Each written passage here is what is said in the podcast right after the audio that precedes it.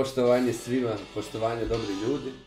A, dobrodošli, evo samo da, da nam se namir koncentriše, dobrodošli u još jednu besjedu o obrazovanju. A mi smo, svaki put počinjem sa mi smo jako sretni. Uvaženi Dejan Ilić nam je došao u Sarajevo. Došao nam je i bit će nam tu nekoliko dana i mi smo presretni Dejani. A, kako si? Dobro sam, dobro sam i uvek me, ono, napravite mi to kao da se osjećam pomalo nelavino, kao uvaženi Dejan Ilić i vi ste presretni. Moje pitanje onda, zašto uvaženi, što ste presretni? Ali dobro, šta da radimo? Jedno mi je, jedno mi je Rada rekla, ja sam se divio nekom što je neko napisao, i ako baš bi ga volio upoznat, kaže ona, dobro razmisli sljedeći put, jer želiš da upoznaš Da. ono ko ti je bio. Ali, Tako je, da. Samo nas se druži i sinoć. Um, za one ko, koji ne znaju, sinoć u, u prostorijama Startup Studije, crta se zahvaljujem a, fondaciji Mozaik i Startup Studiju, koji su nam omogućili da, da, da napravimo jednu intimnu promociju fantastične knjige, Ne zato što smo želi da bude intimno, nego zašto ovim uslovima drugačije. Tako je. Da, stalno vraćate na to, baš vas to boli. znaš. Boli me jako, da. Ova zaraza i nesposobnost ovih naših, vaših i te tamo moje države, ovaj, da, da se nosi sa tim. Naši i vaši. Ma mislim, strašno. Ali sad kad bi rekao sve to naše, odmah bih dobio, zalepila bi mi se. Ono, sreća je da ta pandemija nema veze sa obrazovanjem, to Da, je da. jedino, pa mi možemo sad odvojeno da, Da, pričamo. Obrazovanje kao i uvijek na vrhuncu, sve funkcioniše, nastavnici da, presretni, svuda. djeca presretna, Da, svuda, svuda. vrhunska nam djeca izlaze iz- iz te škole. Da, pa dobro. Pa dobro, ako je neko srećan, super. Pa da, šta Nema da... više sreće da je u školi. Niko nije sretan da, Da. ide u školu. Da. Ali a, večeras sam mnogo, mnogo čemu. A, namire, A, dobro večer svima i, i od mene, dakle, evo, ovaj, Tedi preuzeo, pa do kraja, ko nastavit će ovo, sve ovako od toga. Ostalom, hvala svima što ste sa nama i što nas gledate, što nas gledate sada uživo, što nas, nadam se, gledati i nakladno. Ovaj, nećemo, neka nećemo nastaviti priču Sinovac, Sinovac smo radili kao neku promociju, ali smo i govorili o mnogim stvarima koje jesu vezane za obrazovanje. No da evo, krenemo sa, sa prvim pitanjem, ono se tiče obrazovanja danas. Ja ću se poslužiti zapravo knjigom Fantastična škola koju smo sinoć i promovirali. Dakle, negdje, uh, govoreći o, o- u jednom od pri samom kraju knji, ovaj, knjige o knjizi Aleksandre Ilić, udžbenici i nacionalno vaspitanje u Srbiji 1878-1918 godina, ovaj, ti kažeš sljedeće. Aleksandar Ilić kaže da se u srpskoj državi u nastajanju u posljednje tri decenije 19. veka obrazovanjem hteo učvrstiti nacionalni identitet i lojalnost novoformiranoj nacionalnoj političkoj zajednici. To nije nakladni uvid autor, autorke izveden iz proučavanja proklamovanih obrazovnih ciljeva i programa te sadržaja udžbenika. Naprotiv, to je eksplicitno navedeni zadatak koji su u sebi postavili ondašnji protagonisti srpske prosvete. Kako vidiš obrazovanje danas? Je li se odmaklo od početka 20. veka, zapravo s kraja 19. početka 20. Ovaj, veka i jesu li makar ciljevi eksplicitno navedeni u onom propisu kako, kako, kako bi oni koji odlučuju željeli da, ta, da to obrazovanje izgleda danas? Pa, biće da se ništa nije promenilo koliko sam ja upoznat sa ovim jeli, e, današnjim dokumentima. Dakle, i dalje je ta identitetska priča, ključna priča u obrazovanju i dalje eksplicitno stoji da, da je utvrđivanje identiteta, da je to jedan od glavnih zadataka, zadataka škole. Pritom, kad o ovome govorimo, naravno uvek treba reći koje, na koje predmete mislimo. Uvek govorimo o maternjem jeziku Nacional- i književnosti. takozvana nacionalna da, grupa tako, predmeta. nacionalna grupa predmeta i istorija i ne znam, Dio geografije, Dio muzička geografije. kultura, likovna Jest, i u ovom slučaju novo dodati vjeronauka.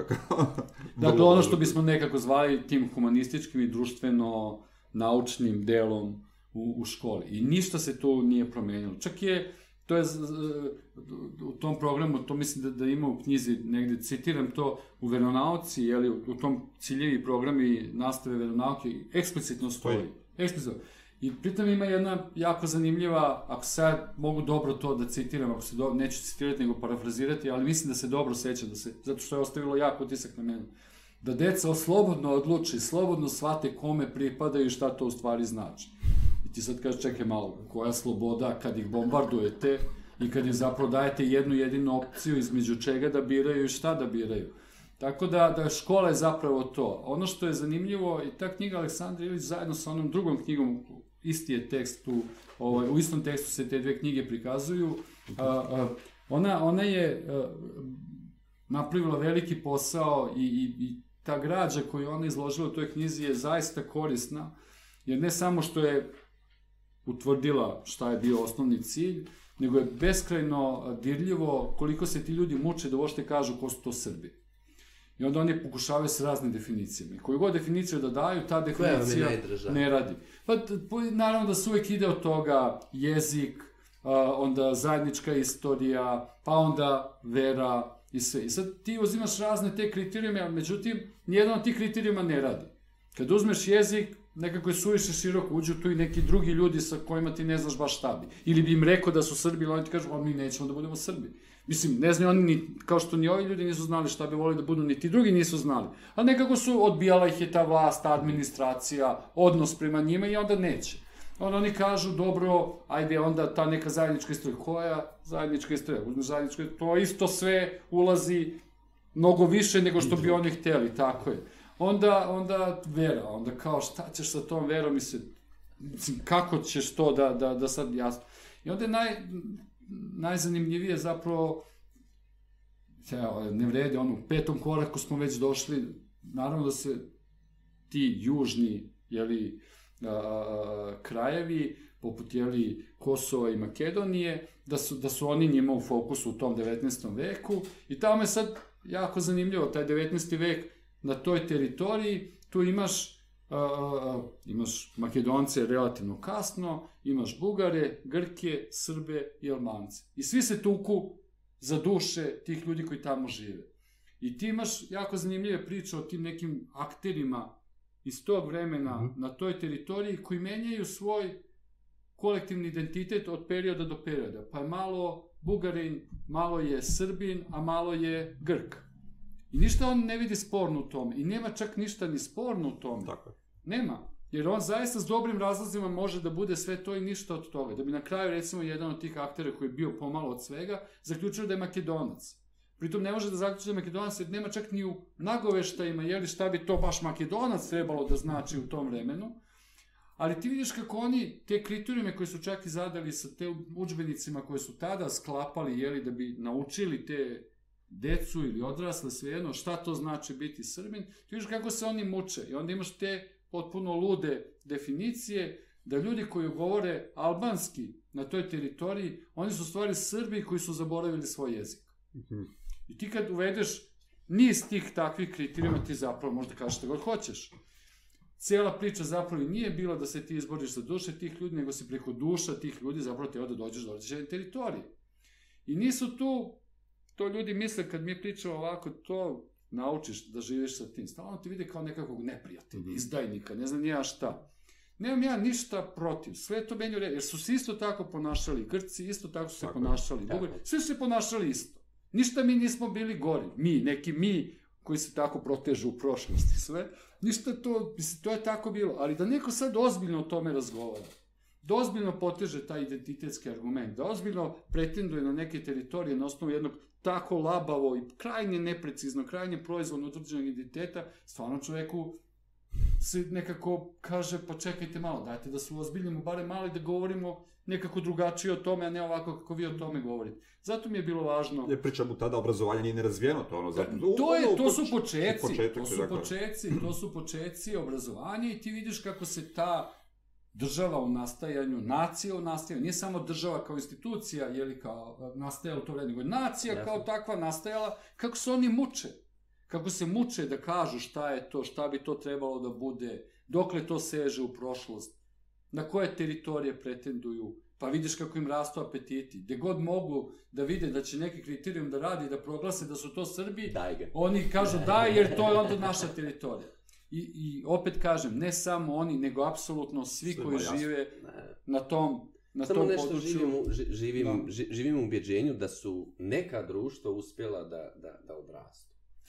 Sad, da to, je, to, je, to su procesi. Ja, jako je teško govoriti o kolektivima u tim organskim metaforama, da odrastu, da budu zreli, da, mislim, prosto su to nekakvi procesi. Znaš, pre, pre, pre pola veka bismo rekli možda, možda bismo rekli da su Sjedinjene države jedna zrela demokratija. A danas te Sjedinjene države ne liče ni na što. Dakle, ne znamo da li je to, da, da li neko odrasta i sazreva kada govorimo o kolektivima i o društvama. A O- svako- Nema uzlazne linije. Ja, ovo. svakog onog što svrbi, meni je nacionalizam. Pa ne, Meni naravno, svrbi. naravno, mi jasno je to, ali, ali hoću da kažem, hoću da kažem da, da ovaj, da si ti zapravo u pravu, pa makar koristio i tu vrstu metafora, stvarno je porazno da posle vek i po ili gotovo dva veka a, u Srbiji nismo odmakli dalje od udžbenika iz 19. veka. Kao da se ništa nije dogodilo Jel to među znači vremenu, kao da se ništa nije promenilo. A ja mislim da je bilo čak i u toj Srbiji potencijala, bilo je pametnih ljudi koji su se bavili obrazovanjem, koji su umeli da predlože mnogo bolje stvari od onoga što danas stoji Ne, ti navodiš u knjizi, koji autorica navodi ono kao potpuno drugi koncept, ono zašto je. je obrazovanje bitno Tako ili je, važno, Tako je. koje ona kao previđa. Da, Potpuno da, da. Tako da ima, mi, mi smo imali neku vrstu izbora i sad stvarno to je zanimljivo kako ono kada biraš nekako izabereš lošiju varijantu. Znaš, kao za, zašto se to dogodi? I eto, eto, to je, to je, tako da odgovor Mhm. Kratak na tvoje pitanje, ne, ništa se nije promenilo i dalje se vrtimo u istom krugu ovaj tema, samo što je taj, to je jako zanimljivo, eto, ako, ako postoji neka promena za tih vek i po, jeli, Mhm. a, onda je to promena da taj, ti ljudi koji su tada o tome razmišljali, pritom to nisu bili neki ni, ni, ni bezvezni ljudi, ni loši ljudi, čak su bili vrlo pametni, vrlo obrazovani, imali su neku svest. Mhm. Znaš, u to vreme se formiranje srpske nacije preklapa zapravo sa formiranjem jugoslovenske nacije. Da, da, da. I, i ima neki od njih koji učestvuju u tim programima, zapravo ti ne znaš ni da li oni zaista misle na Srbi ili misle na Jugoslovene, samo što Jugoslovene nazivaju Srbima. Naravno, neko će to sa druge strane shvatiti kao neku vrstu veliko srpskog hegemonizma ili ne znam ja čega, ali zapravo pitanje je šta je tačno tim ljudima bilo u glavi kada su o tome razmišljali. Ono što danas imamo ta, kao taj takozvani identitet kolektivni, ljudi koji sebe doživljavaju kao Srbe, je zapravo jedan užasno ekskluzivan identitet. Ovo su bili manje više inkluzivni identiteti iz te želje za širenjem, a i da obuhvatiš jer ne znaš ni šta treba da obuhvatiš. Onda kažeš daj što više. A danas kao da hoćeš da očistiš, da odbaciš sve moguće, užasno si suzio taj kalup i zapravo mnogo nas ispade iz tog kalupa. Ja sam sad počeo, dugo sam odbijao da, da, ovaj, da, da se identifikujem sa tim kad mi neko kaže vi Srbi, ja kažem, kako to misliš? Stani, stani, stani, stani. ali, ali, ali danas, danas imam potrebu da kažem, ljudi, hoću ja da budem deo toga, a neću da se uklopim u vaš kalup. Raširite ga, raširite ga, napravite ga inkluzivnijim, da svi stanemo. Ako već moramo da živimo zajedno, nemojte da nas odbacujete. I onda sad ti se znaš, on, to ih više nervira. Lakše im je kad odbiješ. Možete A to kad u dođeš- ovde imamo ostale, tako da ako ne pripadate možete u ostale uvijek. Ma, to je, znaš, Ne, pa to je baš inkluzivna kategorija. Šta? to je odlična kategorija. Ono- samo što, što se često To ostali poklapaju sa građanima drugog reda. Da, da, eksklu, ekskluzivno E. i inkluzivna. Tako, svi ostali, što? Da. Tu. A je li, je li iluzija onda zamišljati školu sutra koja neće biti tako ideološki neutralna i koja neće biti u pogonu izgradnje identiteta? Pa, kako bih rekao, ja mislim da svako od nas ovde, a i pretpostavljam ljudi koji ovo gledaju, apsolutno mogu da zamisle takvu školu. Mogu da zamisle drugačiji oblik identiteta. Ja stalno, stalno se vraćam na to. Nama, nama, nas uče u školi ko smo. Kao da ta deca koja dolaze u školu već ne znaju ko su. Da. Kao da oni dolaze bez ikakvog identiteta, pa škola mora da im dajte identitet. Mislim, nije tačno. Oni dolaze sa nekim osjećanjima privrženosti, sa nekim osjećanjima pripadanja i niko se nije potrudio da ih pita ko su i šta su i da onda od toga pravi te velike inkluzivne identitete, nego kaže ne, ne, ne, ne, ovo je kalup i moraš da se uklopiš, moraš da se prilagodiš. Znaš, tako da ja mislim da, da, da, da, da, da najveći broj ljudi zapravo zaista osjeća neku vrstu privrženosti teritoriji na kojoj živi i tim sugrađanima, jeli sa kojima su teritoriji. Deli život, ono. Tako je, i, da, i to je dovoljno. To je dovoljno. Nemoj mi sad kačiti razne, uh, razna svojstva, razne osobine na to. To već postoji i ajmo da ga tako kako postoji poštujemo i da onda od toga krenemo. Sinoć ste vi govorili o tome. Govorili ste to na primjeru... O, Sad ćeš ti meni vi, a ja ću tebi ti. Ali E. ajde, da ispadnem ja nepristojan. Moram da se naviknem. Obja, Da, objasnio dobro. sam ti Dobro. vam juče. Dobro. A, mi s tebi smo razgo... o, dugo pričamo o, o društvenoj pravdi, mislimo da je važno da, da, da, da nastavnici taj koncept, da, da on živi u razred bez obzira na predmet, jer mi ne gledamo to kroz predmete. Tu se govori o nečem što je roots and wings, ili u prevodu korijen i, i, i krila. To, to je ono na konto vaše priče od, od, od, od sinoć u Holandiji to izgradnji nekog budućeg nadidentiteta. To je to je u biti nadidentitet koji, koji treba, ali, koji je in, dovoljno inkluzivan da... da, da... Ali, ali izvini, mor, morat ću... Uh, sve okej, okay, sve okej. Okay. Čak, čak, čak, čak ja ne mislim da je red, ne, ne, ne verujem da treba da postoji nekav krovni identitet. Svi mi imamo bezbroj identiteta. Imamo svoje lične, Jasne.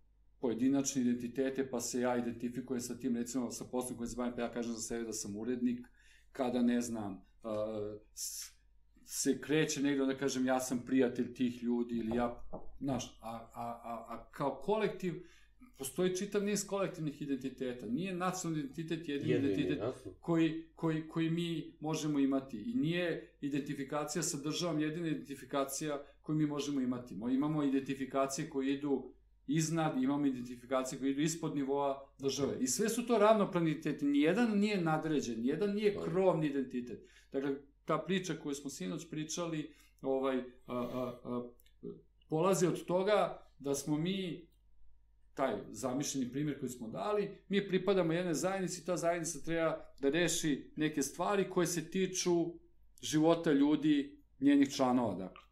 I to je dovoljno. Ne mora da bude nikakav krovni identitet. Prosto to što kao zajednica moramo da rešimo problem koji se tiče svih nas, to je u tom trenutku naš identitet. Kada se mi raziđemo i rešimo taj problem, ja mogu da se vratim da budem nešto da. drugo. Mogu da budem, mislim, kako bih ti rekao, u Srbiji postoji jaka tradicija, siguran sam da postoji i u Bosni i Hercegovini, privrženosti kraju iz koga si. Dakle, naš, mnogo jači identiteti su ponekad to da sam ja na primjer iz Vranja ili da sam iz, ne znam, Kikinde, nego to da sam građanin ili, ili mislim, strašno mi je to, ne mogu da se naviknem još jako kao to, da sam ja Srbin. Znači, e, mi koji smo živeli ovaj, a, a, a, to kao nešto u Beogradu, mnogo je jači identitet bio to što ako si iz Zemuna, nego to da si iz Beograda. Znaš, mi imamo u svom iskustvu to da, da, da, da, da ne postoji jedan identitet. Ali onda škola dođe i kaže. Postoji. Postoji i mora biti jedan. I mora biti jedan. I sve ti poruši ono sa čim si ti došao u tu školu. Recimo, meni nikad nije bilo jasno. Mi, ja sam odrastao na Novom Beogradu, rodio sam se, dakle, i praktično od rođenja živeo na Novom Beogradu. Mi smo bili jako privrženi tom svom kraju. Nikad u školi niko nije, niko nam se nije obratio kao, jeli, deci koje dolaze iz tog kraja.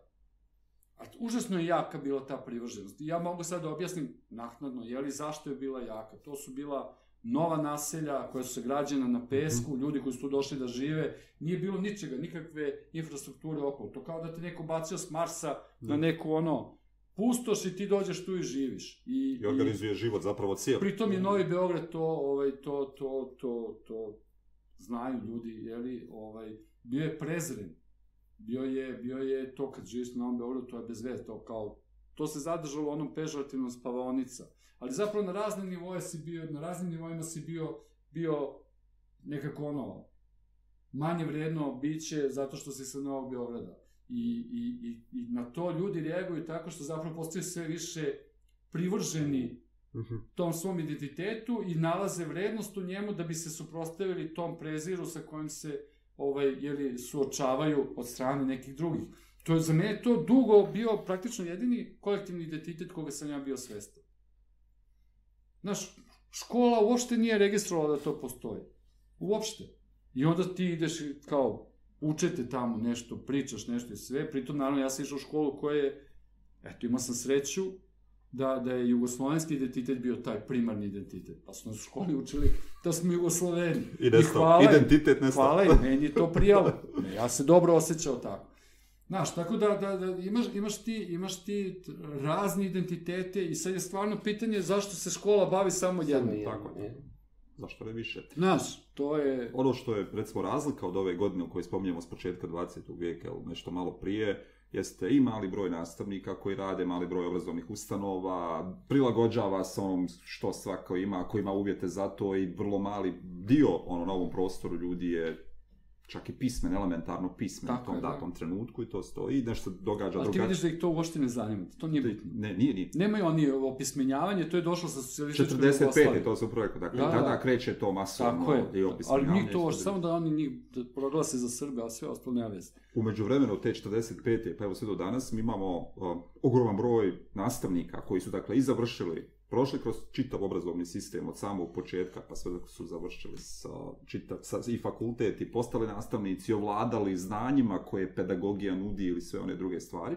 I sad se vraćamo na, opet na, na knjigu i na Žirua, kojeg također spominješ ovaj put na početku, na početku same knjige, kada on govori o zapravo nastavniku intelektualcu. Uh, prije toga on kaže zapravo citiram tebe, za njega pedagogija nije neutralna za Žirua, nije neutralna tehnika i vještina nezavisna od sadržaja koji se njome posjeduje, iako se ona baš tako hoće predstaviti u okviru pozitivističke ili neoliberalne pedagogije. Odnosno, pogrešno je to što neoliberalno obrazovanje vidi pedagogiju kao svoju sluškinju, a pedagoge kao svoje izvršitelje. I ono zbog čega zapravo ono, pitam za Žirua, pedagozi, edukatori, nastavnici nisu ništa manje nego javni intelektualci. I kao javni intelektualci u školi koja je također javni, pa bi stoga trebalo da bude i demokratski prostor, oni imaju obavezu da štite slobodu i zalazi, zalažu za socijalnu pravdu o koju je, koju je i Nedim malo prije spominjao.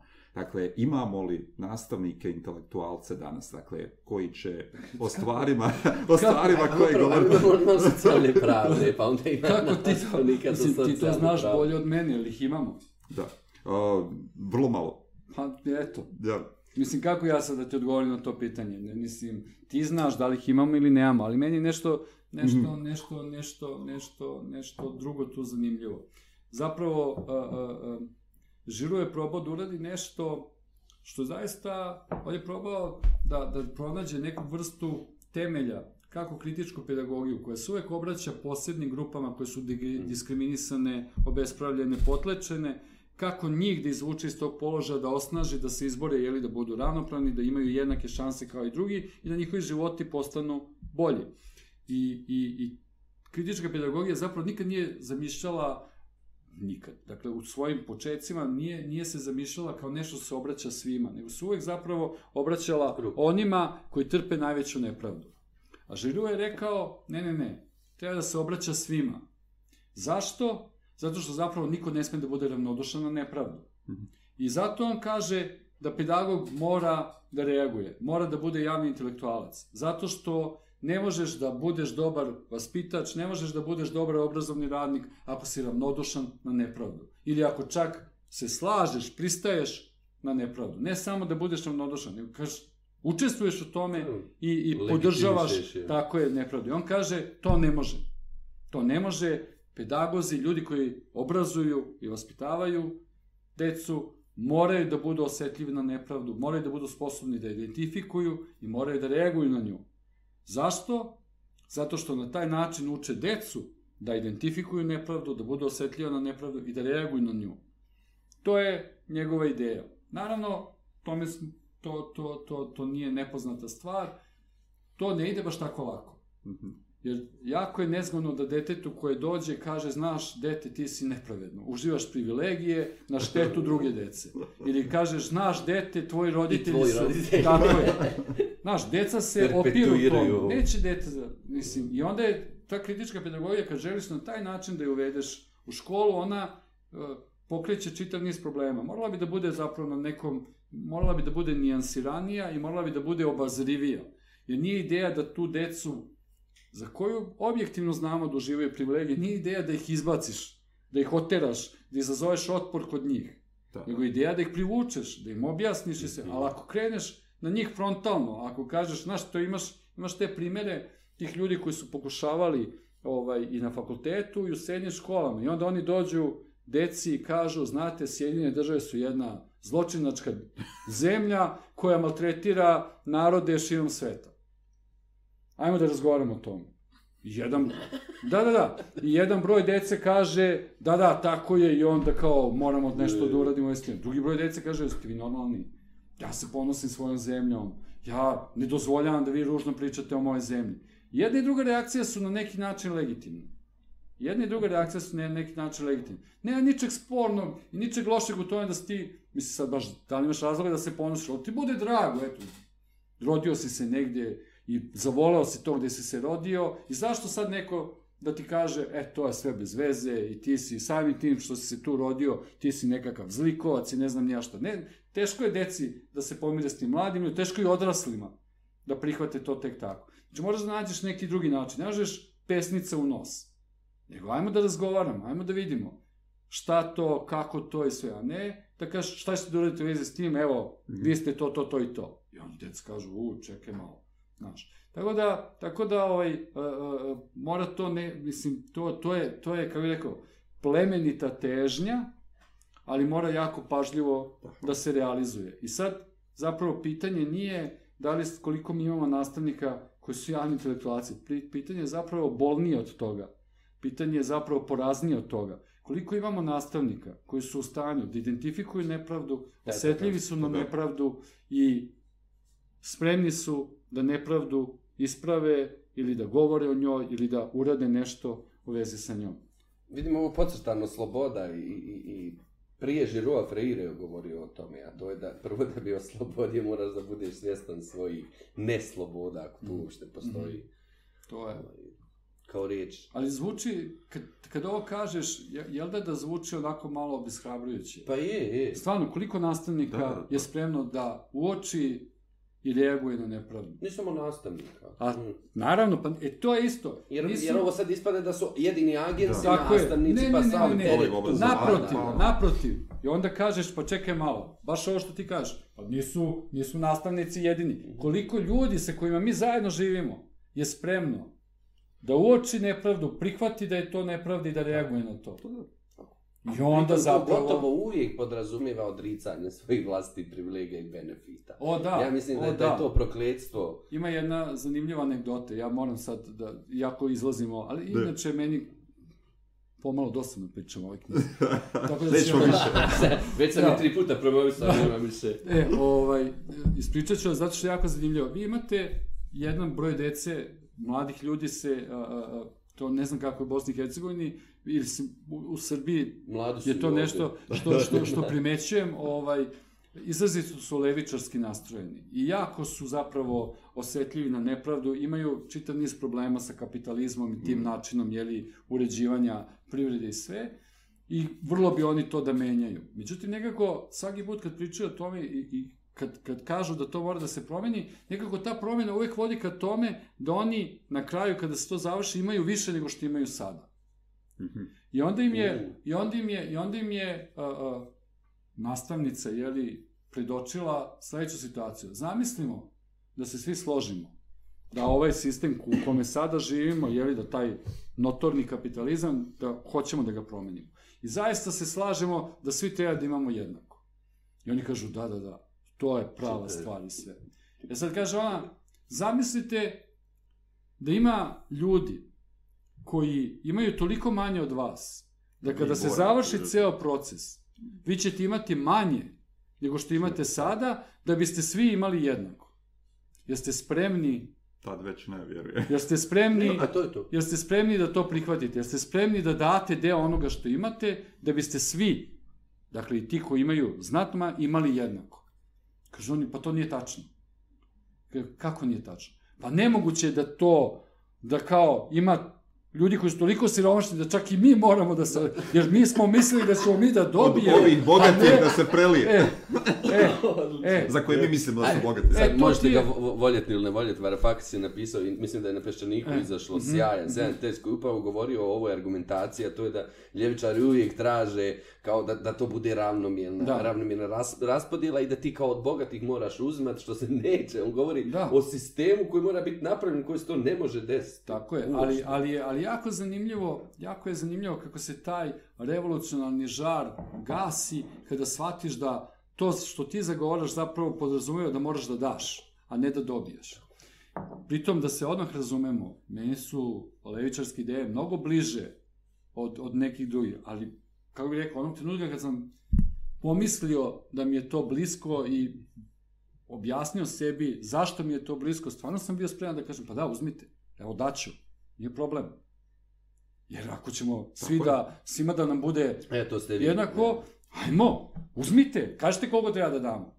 Sve u redu. E, to je, to je, to, to se tiče svih ovih stvari. Znaš, kad reaguješ na nepravdu, ti uvijek kalkulišeš. Čekaj malo, ako ja reagujem, šta će to Ja, meni da se desi? Šta će ja, će ja da dobijem ili ću da izgubim u toj igri? E, tu onda nastaju, nastaju, čak ja mislim da, da, da, da, da ljudi vrlo dobro uočavaju nepravdu. Jako dobro. A, Ne, ozbiljno, to, ja inače mislim da, da, da su ljudi mnogo, mnogo vispreniji i pametniji nego, nego što ponekad izgleda. Ali onda sedne pa izračuna, napravi neku kalkulaciju i to je kako može da živi čovjek s tolikom boli? Pošto, kako ja da znam to? Ne znam, oni, ne znam, valjda nešto, ovaj, nešto izračunaju, saberu, oduzmu i kažu nama Dobar sam odgovara ovako Evo, i... dobar sam. I zato bi obrazovanje trebalo da bude usmjereno ka tržištu rada. Da, da, da. To je, to je jedna od najneverovatnijih stvari. Ja ne znam kome je to palo na pamet. Znaš, evo recimo... Evo, ja se radujem da čujem vaše Da, mišljenje, da. tvoje mišljenje. Ovaj, ovaj, to je, to je, tebi je ova, tebi je ova, tebi je ova kriza pokazala, recimo, ja ne znam kako, vi znate kako funkcioniše dualno obrazovanje u ovoj krizi. Ne znam. Pa ne funkcioniše. Čekamo da profunkcioniše, pa ćemo vidjeti kako ne, Ne znam funkcioniše. kako je funkcionisala van krize. E, pa loše, naravno. Ali tebi se pokaže da jedan nepredvidljiv događaj ti sruši ceo koncept obrazovanja. I sad svi ti zagovornici, gla, koji su bili glasni, nepodnošljivo glasni, dualnog obrazovanja, čute.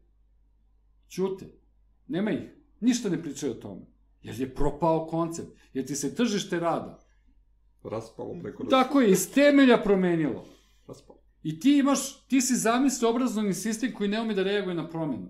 A vezao si ga za tržište rada, koje se preko noći promenilo kao što se inače preko noći menja. I hoćeš da vežeš jedan sistem kao što je obrazovanje, koji je više decenijski, jer dete kada uđe u obrazovanje, ono će dve decenije ili deceniju i po provesti o tom A do tada obrazovanju. će svijet biti potpuno Tako je. nešto drugo. I ti Drugačije, ga da, da. vezuješ za nešto što se menja preko noći, a treba da ga osmisliš da, da, da, da, da, da, da, da ima smisla, da se drži 15-20 godina.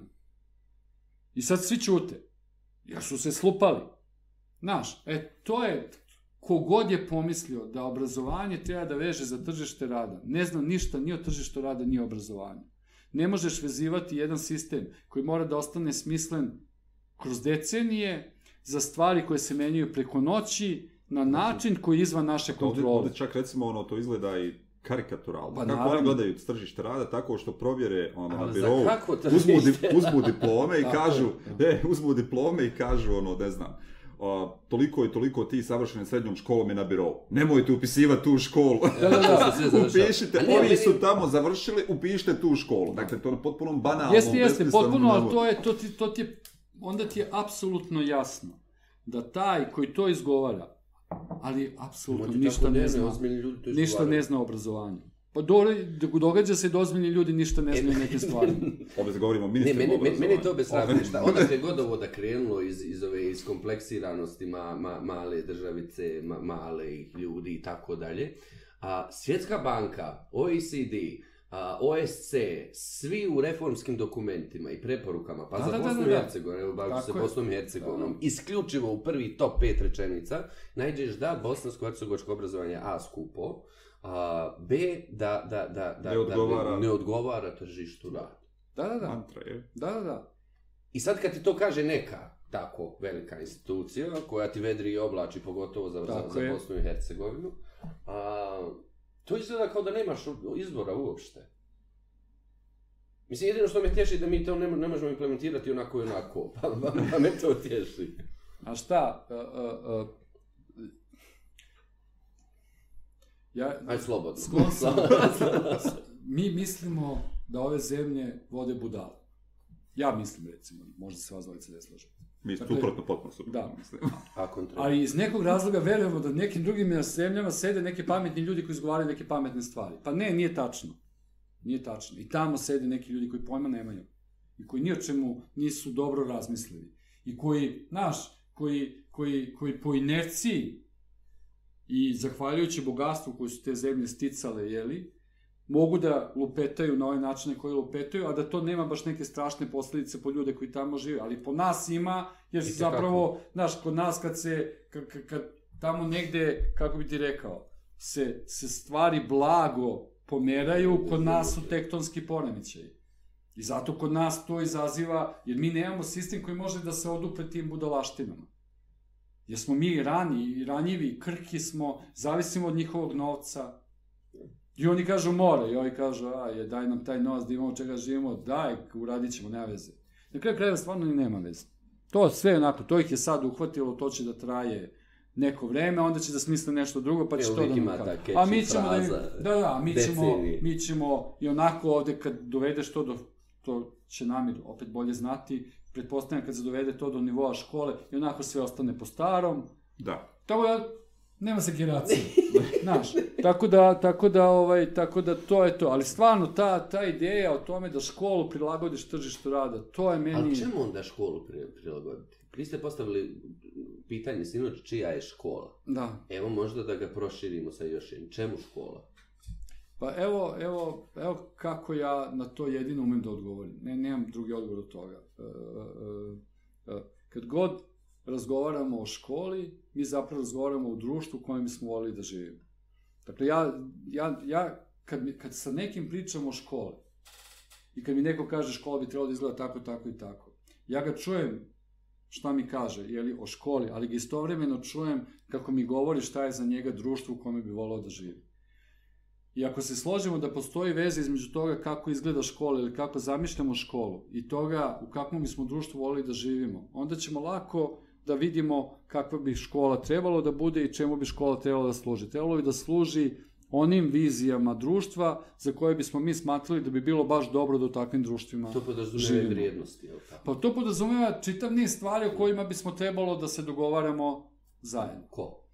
Svi mi, Svi. Svi, apsolutno. Mislim, nije to, škola ne može biti stvar ni ministarstva, ni samo dece, ni samo nastavnika, ni samo roditelja, prosto iz škole se generiše sve ono što kasnije, jeli, oblikuje društvo ili se ne- generišu obrazci ponašanja koji posle, jeli, održavaju to društvo. I, i, I onda bi škola zapravo trebalo da služi tome da smo u stanju da se dogovorimo, da nas osposobi, da smo u stanju da se dogovaramo u kakvim bismo društvima želeli da živimo i da smo u stanju da reagujemo kada to kako smo zamislili ta društva koja bi bila fina, nisu takva i šta onda da radimo u takvim situacijama. Drugim rečima, e, škola bi trebala da bude demokratska, u smislu kako se dogovaramo šta bi škola trebala da bude, ali bi škola trebala da služi nekakvim demokratskim formiranju nekakvih demokratskih poredaka. I što se mene tiče, to bi bila funkcija škole. Da li ćeš ti da budeš obučen za tržište rada? Zašto bih ja, kao neko ko daje, evo, vrlo, vrlo, je, vrlo je jednostavna stvar. Ja sam privatnik, gazda, imam svoju izdavačku kuću. Gazda. Da, pa tako što kaže, tako, tako, te, tako te gledaju. Znači, čim imaš svoju privatnu, te oni ti kažu gazda. To je naravno uvijek pežorativno. Ali ja sam to. I, i ovaj, ja plaćam nekakav porez, jel da? I iz tog poreza deo ide u školu. I onda neko kaže, od tvog mišljali? novca ćemo da školujemo ljude za tu kompaniju koja je investirala u Srbiju, dobila subvencije, dobila sve i trebaju im baš nekakvi ljudi koji treba da se obuče za to da motaju kablove. Zašto bi neko meni uzeo novac? Ja bi recimo volao da se novac koji ja dajem u budžet troši na decu koji će se razvijati ljubav prema čitanju, da će ta deca onda da kupuju moje knjige. To je moj interes. To je moj Privatni, interes. da. Tako je. Jer sam dao novac, hoću to. I onda će moj posao da cveta, ja ću biti bogatiji nego što jesam, jel da, kad sam vam već dao novac, radite za mene. Ali to tako ne može, jel da? I potpuno je sumanuto da ti od na zajedničkog novca školuješ decu za tržište rada prema potrebama privatnih kompanija koje za obuku te dece ne izdvajaju ništa. Još sa punim pravom dođu i kažu, pa vi nama nemate da date radnike. Pa obrazuj radnike, čoveče Bože, tebi su potrebni radnici da bi radio. napravi, da, obuci, o, obuči ih. Što bih ti ja školovao radnike za moj novac, a da ti onda izvlačiš profit.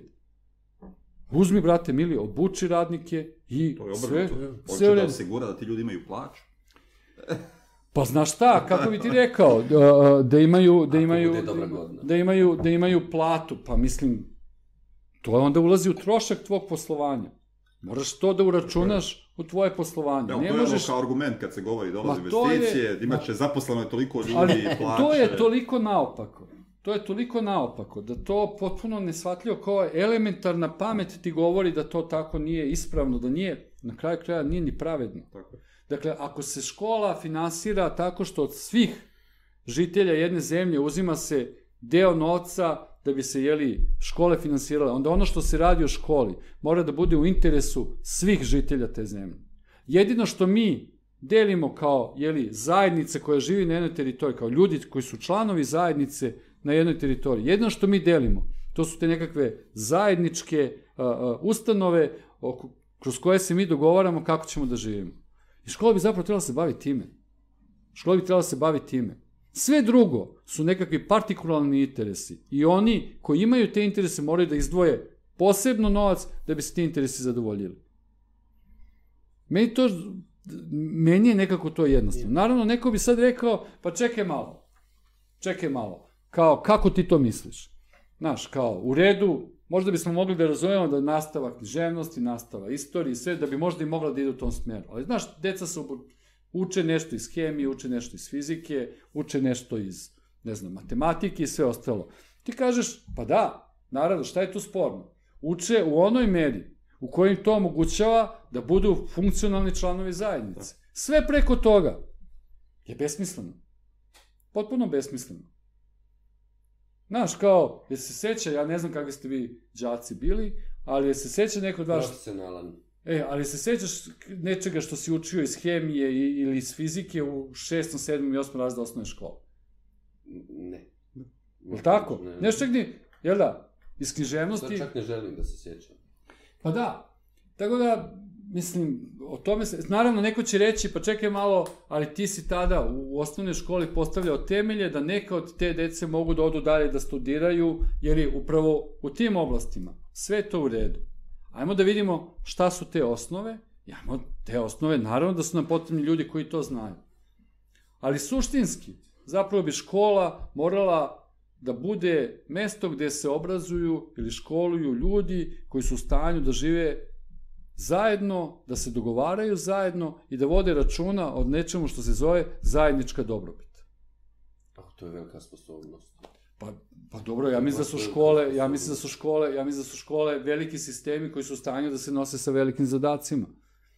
Znaš, ne znam kako stoje stvari, kako stoje stvari u Bosni i Hercegovini, ali u Srbiji imaš 100.000 prosvetnih radnika i imaš po generaciji nekih 60.000 dece. Kada to pomnožimo sa 12, to znači da u svakom trenutku u srednjim i osnovnim školama u Srbiji imaš 720.000 dece i 100.000 nastavnika. Tu smo već na 820.000.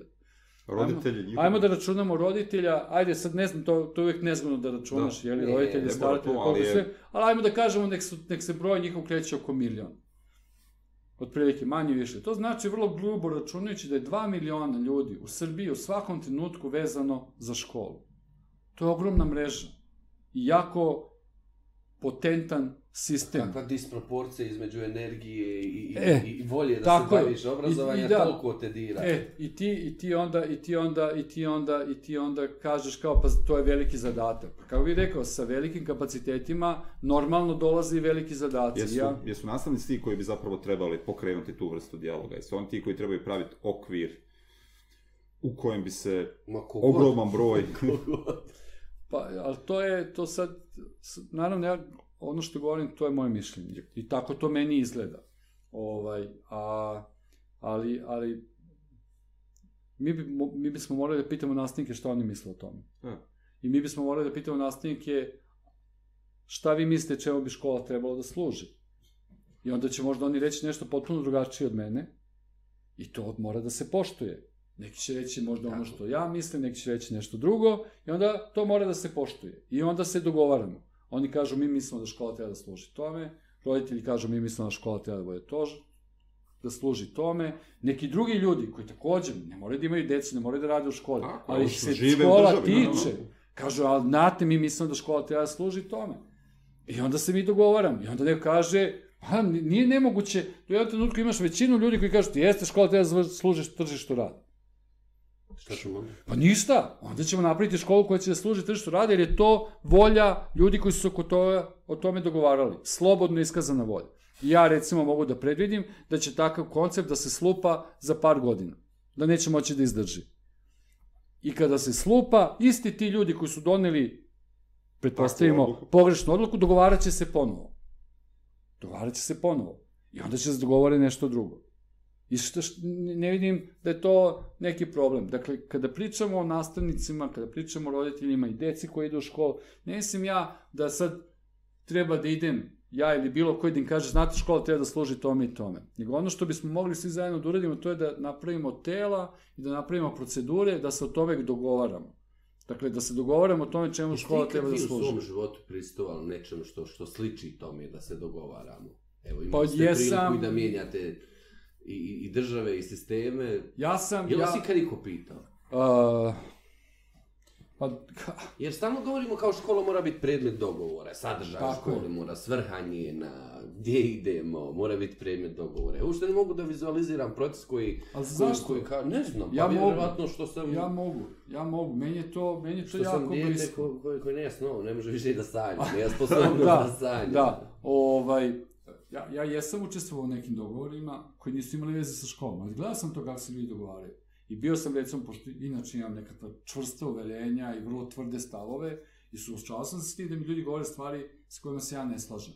Ali pošto smo morali nešto da se dogovorimo, na kraju bismo se nešto i dogovorili. I svi mi imamo to iskustvo. Čak i ti koji E. kažeš da, jeli, ne možeš da sanjaš više i sve, nisi sanjao to, imao si takva, na kraju krajeva radiš u nekoj organizaciji i verujem da vi u toj organizaciji sedete da razgovarate kako ćete i šta ćete da radite. Pa da, dakle, svi mi imamo u svom, na kraju krajeva, zajednice te naše, jeli, to što živimo po ti nekim kućama, nekim tim, jeli, zajednicama našim malim, pa sednemo pa se dogovaramo. Ili neki od nas se dogovaraju, neki se možda ne dogovaraju, ne znam kako ljudi žive, ali, ali jedan deo nas ima iskustvo dogovaranja.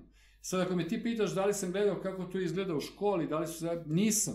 Ali postoji dobar razlog za to. Uh, uh, naprosto, jako postoje, a opet to Namir bolje zna, jako postoje, jeli, tela kada, ili, ili procedure gde nastavnici sednu pa razgovaraju. Recimo, ti imaš, ti imaš čak to ima i u, i u pravilnicima i u, i u zakonima, da, da, da se, ka- ja ne znam kako se to zove u školi, to je valjda nastavničko veće ili tako nekako. Da, sto, da su Jeste, oni kao treba da odluče koji će se udžbenici koristiti Aha, to- u njihovoj školi. stručni aktivi. E, i onda oni, onda oni, onda oni, onda oni o tome razgovaraju. A onda imaš u tom, jeli, članu gdje kaže da oni o tome razgovaraju, jeli, koji će, onda imaš poslednju rečenicu gdje kaže, a direktor će odlučiti. Tako. Ili ministarstvo potvrđuje E, e, vašu odluku. tako je. Ili... Tako je da mi imamo polovično takve stvari, ali ih nemamo izvedene do kraja. Ja mislim da postoji neki strah od toga šta ako se ljudi ne dogovore.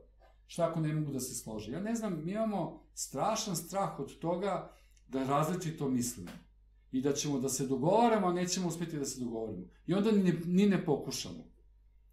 A onda kad pogledaš zapravo sve se oko tebe raspada i onako i ovako.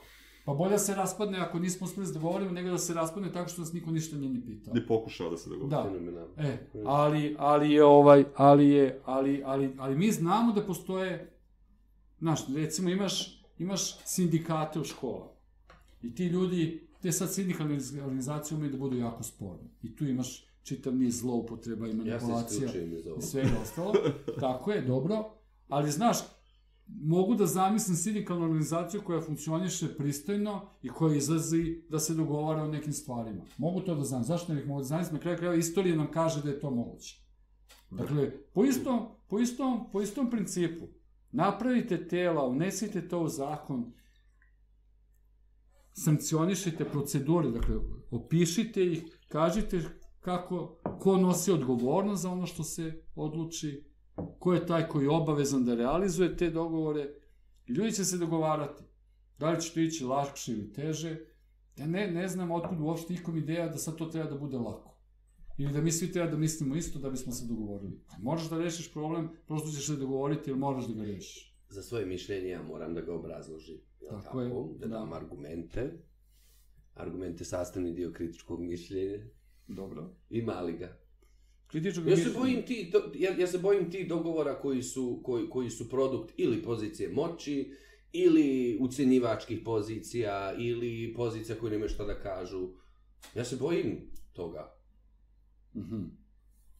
Pa dobro, bojiš se zato što ti iskustvo govori da to ne ide baš tako Otprilike. jednostavno. Da. Ali imaš iskustava koje govori da je to moguće. Sad mi se vezujemo za ta negativna iskustva, a pozitivna iskustva smo skloni da zaboravimo. Ima, kad govoriš, opet ću dati neki primjer, pošto ne znam kako drugačije, inače deluje sve vrlo abstraktno ovo o čemu pričamo, a ima primjera koji ti govore. Recimo, e, vi znate da su na, na, na fakultetima hijerarhije takve da jeli redovni profesori zapravo imaju najviše moći, a onda zato što su svi koji su niže od njih u toj hijerarhiji, zavise od njih, od tih izveštaja, Oni za reizbor i sve, onda moraju zapravo da misle i rade onako kako im ti redovni profesori kažu. I obično kažu ljudi, pa znaš šta, ne možemo mi tu da kažemo šta mislimo, ucenjeni smo praktično svojim radnim mestom i svim drugim način. Kako se to rešava? Kako se to rešava? Pa tajnim glasanjem. Vrlo jednostavno. Pa da. I onda se rešio problem. Tako da, postoje način, ali ajde da artikulišemo, ajde da definišemo, da identifikujemo šta je sve problem, pa da onda ponudimo re, rešenja za taj, za taj Je li problem. kurikulum problem? Pa ja, pa naravno da je problem zato što ga ne, ne donose ljudi koji ga realizuju. Znaš, ti Koga donosi? donose Ja mislim ga... da na, na koncu u, u BH, mislim, donosi neko da posljednji taj Da. potpis, ali mislim da on nastaje, Mnogi svi Da ga nastavnici donosi, donosi ga ministar. Dakle, donosi, ali njegov sadržaj prave isti ti ljudi koji rade u školi ali većinom. ministar može Većinom. da potpiše ili ne potpiše šta god želi. Da. Pa eto, možda je kod vas tako. Onda vi imate možda više sreće nego mi. Pa mislim da ide u. Srbiji, ljudi, Nije, ali ne, angažuješ ne. nastavnike da to rade. Mislim, ograđujem imaš, se. imaš zavod za imaš prosvetni savet, nacionalni Ruski prosvetni savet i oni su ti koji razmišljaju o tome, govore o tome i sve. Oni angažuju vjerovatno ljude iz Pa prakse, da, kao dijelove ni- komisije. nisam, nisam, nisam siguran, a i kad ih angažuju, ti ne znaš kako ih angažuju, Pa za- po da, kom osnovu ih biraju i sve. Tako da to nije, to nije, ni to Transparentni i demokratski Nije ni proces. transparentan, ni demokratski. Nije, nego moja, moja poenta na nekom nivou da opet za, za, za sami sadržajni dio, i ono kako će to izgledati, opet su to ljudi koji rade u školi, na nekom nivou. Ja mislim, evo ne znam, ako ti, ja ne, ne, ne evo, pitao sam, pitao sam ovaj, nastavnike koji rade u školama, pitao sam da li vas iko pitao šta bi bilo dobro da radite, jeli, u okviru svojih predmeta u školama i najveći broj njih zapravo, svi koje sam ja pitao su rekli da ih niko nikada nije pitao. Onda sam ih pitao, pa dobro, znate ljude koji su iz redova nastavnika otišli u te komisije E, da oblikuju to, oni su rekli ne. Ja kažem, jeste ikad dobili poziv, ili ikad neko oglasio konkurs, poziv ili nešto, gde ste vi mogli da se prijavite, pa da eventualno vi budete te osobe? Oni kažu ne.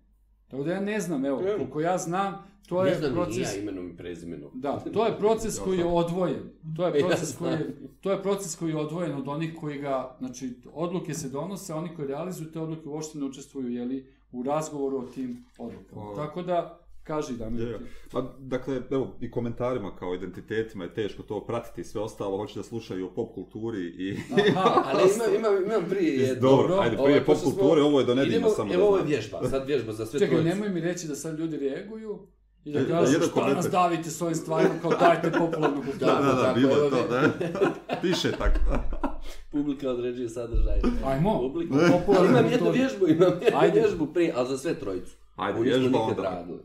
A, malo prije, de, Dejane, govoriš o, o, o, o tome u stvari da je dogovor oko škole dogovor oko društva. Tako je. Ajmo, kratko, volio bi. Dakle, volio bi da, da, da, da čujem tvoj san, tvoju viziju te škole, a onda shodno tome da, da dam samo nekoliko tema za sadržaj kurikuluma koju bi takva škola imala. Mhm. Ako bi imala kurikulum. Pa, Namre možeš da Ali učestvuješ vidiš, kao, to je, to je sad, ide protiv svega onoga što sam ja pričao. Ja zapravo ne vidim da sam ja ovlašćen da govorim kako bi društvo trebalo da nije, nije, Ali bih ja- voleo da razgovaram o tome sa ljudima. Ali ako mene Ako pitaš, za mene bi, svima, ako za mene škola- bi, za mene bi, za mene bi savršena škola bila ona škola u kojoj bi ljudi koji u školi rade zajedno sa decom i roditeljima da se dogovarali oko toga šta će se raditi u školi. Zato je, i onda bih ja verovao da bi onda i društvo koje se jeli naslanja na takvu školu bilo drugačije od ovih društava jeli, u kojima, u kojima mi živimo. Eto, ja, ja u to verujem. Ja, a onda kurikulum bi se lako rešio, jer ja bi onda smatrao da oni treba da se dogovore šta je cilj takve škole, a onda bi se svakom dala sloboda da do tog cilja stiže na način na koji on misli u dogovoru jeli sa decom roditeljima da je najbolji da se taj cilj ostvari. Tako to meni izgleda. Pritom ne mislim da je u suprotnosti s ovim što si govorio. Ako Da. su ovo sve istine, ovo je jedna od istina, Da. tako da mi je drago čuti i tvoj. Da. tvoj Da, da, naravno, što- evo, ja bih to rekao. Ja bih to rekao i onda bih rekao šta Ti se... ljudi- dogovor, jel? Šta se ljudi dogovore, to se, a mi dogovorimo se svi zajedno šta bi bio cilj takve škole, a onda ljudi to realizuju u skladu sa, znaš, e, e, ja imam ta neka iskustva koja su neobična. E, e, radio sam, radio sam sa decom u Vranju. To ne znam, pretpostavljam da znate, u Vranju, sad evo ne znam čak ni kako se to izgovara, u Vranju ljudi ne govore baš kao što govore u Beogradu. Zapravo govore tako da ako bi govorili onako kako govore kod kuće, ja ne bih mogao ništa da ih razumem. I onda, kad sam radio sa decom iz Vranja, one su, prvo, video sam da nekako ne komuniciramo najbrže moguće. Da, da oni imaju kao neku kočnicu, da im treba... a, Prevedu. Nije, nisu prevodili, jer oni zapravo savršeno vladaju ovim jezikom koji ja govorim, ali nekako imam, imao sam osjećaj kao da postoji neka barijera. Ja sam njih molio da razgovaraju sa mnom onako kako pričaju kod kuće. Molio, preklinjao i nisu. Odbili su to. Hm. Me, me, me, mene, mene potrese takva stvar. Ozbiljno. Meni, meni ka, kako sad on sa mnom, je li, razgovara? Oni u školi zapravo razgovaraju drugačije nego što razgovaraju kod kuće. Ja, meni je to nasilje. Meni se to ne dopada. Znaš, kao, i onda, i onda, i onda, i onda mi bude krivo. I onda ja kažem, šta je problem? Šta je problem da govore onako? To je Ko tako je, tužno. ko je, ko je odredio? govori o tome u stvari. Da, da ko je ta odredio- stvarnost, taj tvoj život u stvari nije dio škole. Da, eto, to je. je mislim, srećna okolnost je da decu, tu koju sam upoznao tada, sa nekim od njih sam i dan danas prijatelj, i ta deca su s vremenom jeli, završili škole i fakultete i postala aktivna i sve, i dan danas, ali, ali nikad sa mnom nisu progovorila onako kako razgovaraju sa svojim roditeljima, kako razgovaraju kod kuće, kako razgovaraju sa svojom braćom i sestrama. Ja sam nekako uvek ostao stranac u tom njihovom jeziku. I sad, šta da radim? Eto, ja mislim da škola ne bi trebalo da bude to. Ali evo, mislim, možda sam ja prosto, možda nemam, nemam, nemam, nemam te, možda nisam u pravu, ali tako se meni čini. Bilo mi je žao, voleo bih da su me pustili u taj svoj svet. Ali nisu. Hm. I onda sam razmislio koja je to sad, kakva to mora biti barijera, kak, kak, koja to, koja to sila može da nametne, da ti smatraš da je sasvim normalno da kod kuće govoriš jedno, u školi drugo, i da odmah ta deca imaju, pritom sticam okolnosti, savršenu socijalnu pamet. Savršeno, izuzetno su inteligentni, socijalno su inteligentni, jer tačno znaju kada treba da se uključe, kada treba da okrenu na koji, na koji jezik. Tako da, mislim, to, to su komplikovane stvari. Komplikovane stvari koje se tako, potpuno su mimo, mimo, mimo, mimo osvešćenog jeli, načina kako se sa tim radi, nego se dešavaju spontano. I ponekad ima, nema posledica, ponekad može da ih bude. Ponekad može da ih bude. Da. Hoćemo da pop kulturu? Ajde, ajde, Kad ajde. čekaju, evo, sat vremena da čekaju. Isto, isto Nije nije, valjda niko da nije sretan s knjigom. Nije, znao, ne, ne, Pa ja ide da- volim da, sve da. to, ma, drago je meni to, nego, nego, nego, nego mi je važno, znaš, kad kažeš popularna kultura i sve, sve ovo o čemu smo mi sad da. pričali zapravo ima veze s tim. Nisam ja tu knjigu pisao tako zato što volim, a volim da gledam filmove, serije i čitam stripove, nego zato što verujem da škola treba da izgleda drugačije nego što izgleda škola u Tako, koju sam ja išao, u koju su išla moja deca i u koju danas idu Ovaj, deca. i- pričali smo i sinoć ti si govorio i ranije, dakle nije sad, nećemo ići Nije iz početka. pričamo sat vremena. Sat vremena, da. O, ovaj, Mi nije... imamo vremena. Nema emisije nakon nas. Nakon nas. ovaj, Nema program. Uh, ono što sinoć nismo detaljisali puno o tome jesu serije same. Ti Dobro. imaš ono jedno poglavlje sa gledatelje serije. Da, da. moje, moje pitanje je ono u, u smislu zašto su tebi serije važne Mhm. i da evo ono prepričaš ili dodatno doda stvari zašto misliš da bi serije bile važne tu. Ti govoriš ovdje o čuvarima, govoriš o outsideru, govoriš o igri prestolja, zadnjoj igri, sezoni. Igri, igri prestol, tako, Tako je. je. To je, mislim, pre, da se zapravo sa decom srećem ili ukrštam samo sa igrom prestola. Mislim da ovo drugo, da ove druge serije nisu bile Možemo kasnije malo igre prestolja i detalje, Da. ne samo o zadnjoj sezoni. ni- ali možemo- evo, evo šta je ideja i sa serijama i sa filmom i sve. Ti, ti, ta deca gledaju neke serije, ne vjerujem da mnogo dece čita stripove, ali svakako gledaju neke filmove, sasvim sigurno su, ovaj, to znam, prosto kad je bilo popularno, gledali su onaj film Igre gladi, Mhm. da, gledali su Harrya Pottera, gledali su ne, razne stvari su im značile nešto jeli, u tom svakodnevnom životu. To je, a, a, naprosto je neka vrsta simboličnog gesta ili, ili, ili, ili priznanja da njihov svakodnevni život zaslužuje pažnju u toj meri da vredi da postane predmet u školi. I to je, škola je kod nas mesto potvrde i priznanja. Ono što je u školi, to je zvanično potvrđeno kao vredno znanje. I ako ti držiš život dece i ono što decu zanima izvan škola, ako držiš po strani, ti zapravo šalješ poruku da to što je njihov svakodnevni život i ono što ih izme, zanima izvan škole, da to ništa ne vredi. Prvo, nije tačno da popularna kultura koju deca zanima ništa ne vredi. Tu ima izvanrednih dela. To je prva stvar koja nije tačna. I čak može, mogu, neka od tih dela mogu da se mere sa kanonskim delima Mhm. koje ulaze u školu. S druge strane, nisu ni samo kanonska dela, jeli u sastavu, u sadržaju jeli, školskih je. programa, ima izuzetno tupavih dela koja su tu iz nekih identitetskih razloga ili zato što je onaj koji je sklapao program dobar drugar sa onim koji je autor nekakve Tako tupave pesme. I sad to može, ali ono što zanima decu, i to u velikom broju, to ne može da uđe Pokvarit će ih. Da, da, da. A ovo kao može i ovih neće pokvariti.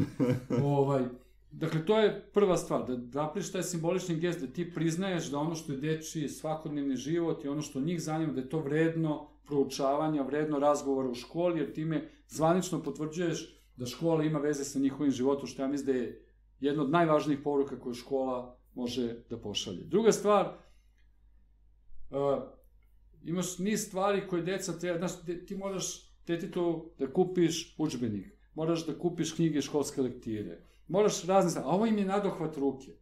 I zahteva mnogo manje napora, čak i u tom vrlo banalnom, nekom vrlo krajnje praktičnom razlogu, ti imaš nešto što je na dohvat ruke, što oni već gledaju, i, strašno je jednostavno zapravo i u tom nekom vrlo vrstu praktičnom smislu, tako Da. je, prebaciti u školu i onda ne opterećivati ni roditelji se nego uzeti ono sa čim deca već rade i samo ga prebaciti u školu. I to je takođe važno. Međutim, ovo su sad neki uh, manje više jednostavni razlozi. Postoji čitav niz drugih razloga zašto popularna kultura pa i serije treba da uđe u školu. Uh, uh, neki od tih razloga su identitetski. Uh, deca se mnogo manje zapravo obrazuju ili formiraju do, nekog, do, do, do, do neke mere zapravo ili, ili, ili paralelno sa onim kako ih oblikuje škola, decu oblikuje popularna kultura. I ako ne osvestiš mehanizme kako deluje popularna kultura, ti si zapravo decu prepustio bez ikakvih alata da se kreću u tom prostoru i da vide zapravo šta im taj prostor radi. Da, davešću jedan vrlo jednostavan primer. Uh, Harry Potter. Ako čitali ste ili ste gledali filmove. Sećate se kako se deli svet u Harry Potteru? Imaš svet u kome žive čarobnjaci i u tom svetu se odlučuje o sudbini svih, čitavog čovečanstva. Ali ostatak čovečanstva, dakle svi oni koji nisu čarobnjaci u knjizi, jeli u prevodu se zovu normalci, ovaj, oni ne učestvuju u tom u toj borbi jeli, za opstanak sveta i za to da li će svet biti dobar ili loš. Dakle, oni su potpuno po strani i zapravo bi najbolje bilo da ništa o tome ne znaju. Svi koji su u svetu čarobnjaka i koji se hrabro bore jeli, na strani dobra ili koji se takođe bore, ali na strani zla, dakle, svi oni deluju impresivno i svi su zapravo objekti identifikacije. I ti, ja sam, ja to obično pitam decu, s kim ste se identifikovali? Naravno, identifikuju se sa Harryem Potterom i sa Hermionom. Reci, ja, ja bih se uvek pre identifikovao sa Hermionom nego sa Harryem Potterom. Pa ona mi je prosto draži lik. Kako istražuje, koristi znanje i... E, tako, tako i, i, oni, sad ti kažeš u redu, to je sve u redu. I onda, kroz tu identifikaciju, oni prihvate tu podelu. Da zapravo sudbini sveta odlučuju izabrani, a ne svi. I onda ja kažem deci u redu, ali vi mislite da je to ispravno? Oni kažu naravno da je ispravno. Ovi ljudi posjeduju neke izvanredne osobine i zato su u stanju da uđu u tu borbu i zato su u stanju zapravo da odbrane svet, da, ga, da sačuvaju dobro u svetu. Ja kažem dobro, važi. Ko ste vi u svetu Harija Pottera?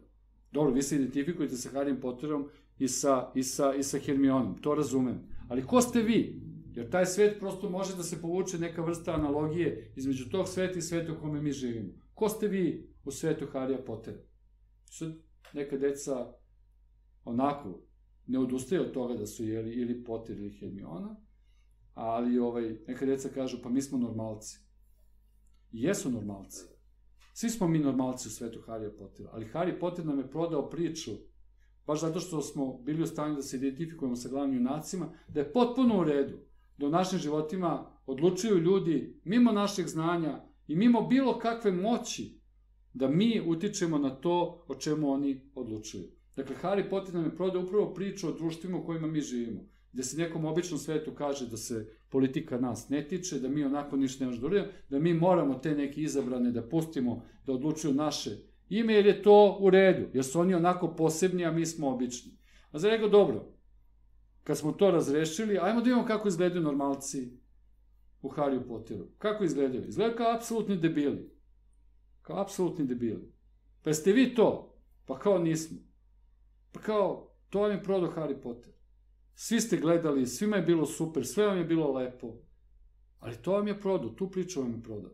I vi ste je prihvatili. Naravno, zato što je to dobro napravljena priča sa jako dobro izgrađenim karakterima. I naravno da je onaj koji je priču pravio računao na to da ćete se vi identifikovati sa glavnim junacima. Ali vam je sa tom identifikacijom vam zapravo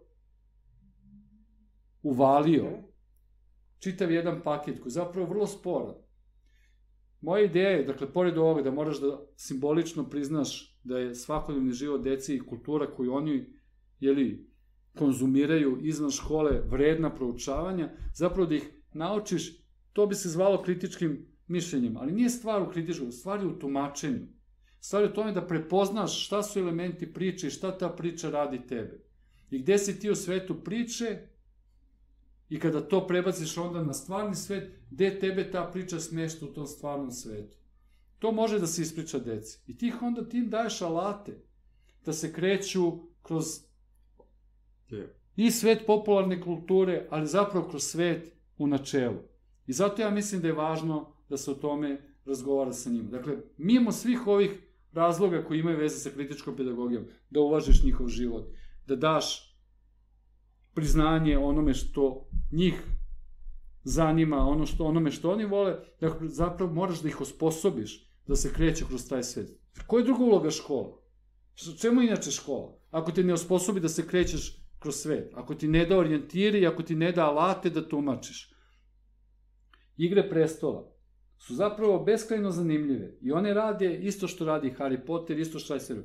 Ti imaš, jeli, kako se on nazove, Kraljica zmajeva, zaboravio sam je, vidiš. Daenerys. Da, kako god da se zove. Do praktično osme sezone Igra prestola ti obećava neku vrstu revolucionarnog prevrata. I Daenerys je ta koja nosi taj revolucionarni zanos, žar i sve, ona daje, ona izlazi u susret, jeli, obespravljenima, ona im daje moć, ona ih vodi, jeli, u tu konačnu bitku da oni, ne znam, a, a, postanu, jeli, ravnopravna ljudska bića sa drugima, ona zapravo hoće da skloni tu razliku između aristokrata jeli, i običnog sveta. Dakle, sve ono što bismo mi nazvali nekakvim, sad to zvuči pomalo grubo, ali nekim progresivnim idealima.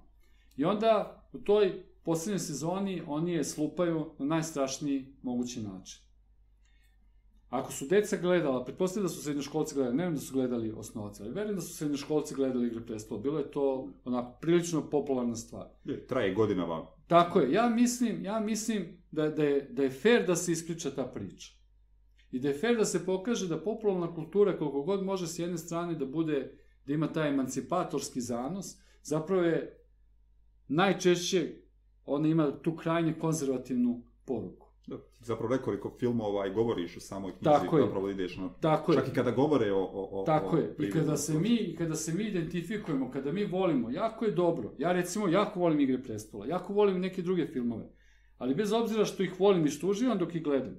Tu ima još filmova, recimo onaj Good Will Good Hunting. Hunting, je, je. Znaš, ali kao, ali, ali, ali ne moram da primim poruku. Odnosno, mogu da je prepoznam, ali mogu da je odbacim. Mogu da kažem, ali ta poruka nije ono što je meni potrebno. Ili ta poruka je nešto sa čim se ja ne slažem. E to, da naučiš decu, s jedne strane da uživaju u kulturi, pa kad nauče da uživaju u popularnoj kulturi, nauči da uživaju po nekim kanonskim delima, ako su ona zaista dobra, nije to. Dakle, uživaj ti u tome, ali moraš i da napraviš korak unazad, da se distanciraš i da vidiš, a šta je zaista poruka, šta je zaista smisao tih dela.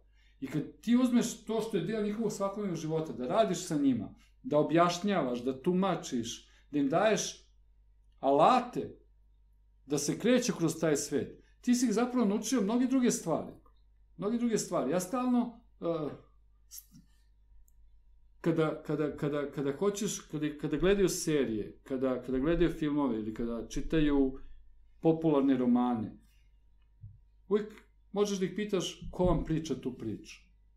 Ko vam priča tu priču? I šta vam je tačno ta iz te perspektive koju je zauzeo u toj priči rekao? I zašto vam je to rekao? Šta je hteo on da vi mislite o priči koju vam priča? O junacima o kojima vam priča? I kakve veze pozicija tog nekog ima sa onim što vi mislite o tim drugim junacima? Znaš, to ko priča priču, vrlo često nije pitanje. Ni u popularnoj kulturi, Niti u redu Karol Tako je. pod ali zamisli sad ako ih naučiš da se u popularnoj kulturi, u delima koje njih zanimaju, pitaju ko priča priču i kakve veze pozicija sa koje priča priču ima sa onim što je ispričano. Šta misliš kako bi čitali svet politike? Ja mnogo drugačije. Pa da. Ko su ti ljudi koji nama šalju političke poruke? Sa kojih pozicija nam ih oni šalju? Šta oni žele od nas kad nam šalju te poruke? Gde smo mi u tom njihovom svetu? Šta se nama desi kada te poruke prihvatimo? To ja mislim da bi trebalo da bude, da bi trebalo da bude neka vrsta znanja koja ti daje škola. Ne sadržaj, nego alati kako da tumačiš sadržaj. Da alati kako Opet da na raspakuješ metod, je. kako da raspakuješ to. Ti zaboraviš, mnoge stvari zaboraviš koje si radio u školi, ali to kako si nešto uradio, kako si nešto rastavio, kako si nešto raspakao, kako si došao do nekih saznanja, to pamtiš. To pamtiš. Znaš, ja, uh, ja, ja ovaj, pričam sa, sa decom i onda, i onda, to su srednjoškolci i studenti, i oni već imaju dobar niz godina provedenih u školi. I pričaš ih, priča. Pitaš ih šta je priča. Kažete mi šta je priča. Svi oni čitaju priče, svi oni gledaju filmove, gledaju serije, svi pitaš ih šta je priča. Kažite mi, definišite mi, opišite mi priču. Ne znam da li ste to probali. Mm. Jesi ti radio to u školi? On, on može I šta ti kažu deca? Pa prepričaju koncept. Ali, št- jel ti odgovore, jel znaju tačno šta je priča? Pa ne, Ne. ne, ne, ne, najčešće ne. Ali jesi ti probali? Jes, pravili smo kasnije E, to. Je, Da. Znači, priča je, kako bih rekao, svaka priča, apsolutno svaka priča može da se svede na jednu jednostavnu formulu. Imaš stanje A, imaš stanje B. Pi- Priča je događaj, kako smo iz stanja Ja, A stigli u stanje B. To je priča. Kad im ti to kažeš, a kad im posle toga pitaš, a šta je identitet? I tu oni imaju problem da kažu šta je identitet sve. Ali oni im ti kažeš, pa znate, u matematici identitet je da ja uvek isto A. Dakle, identitet je ono što je isto sa samim sobom. I oni kažu, pa je vaš, je to vaš identitet? Oni kažu, pa da. Ti kažeš, kako to mislite? Pa kao da, mi smo isti, mi smo ti. Ti kažeš, dobro.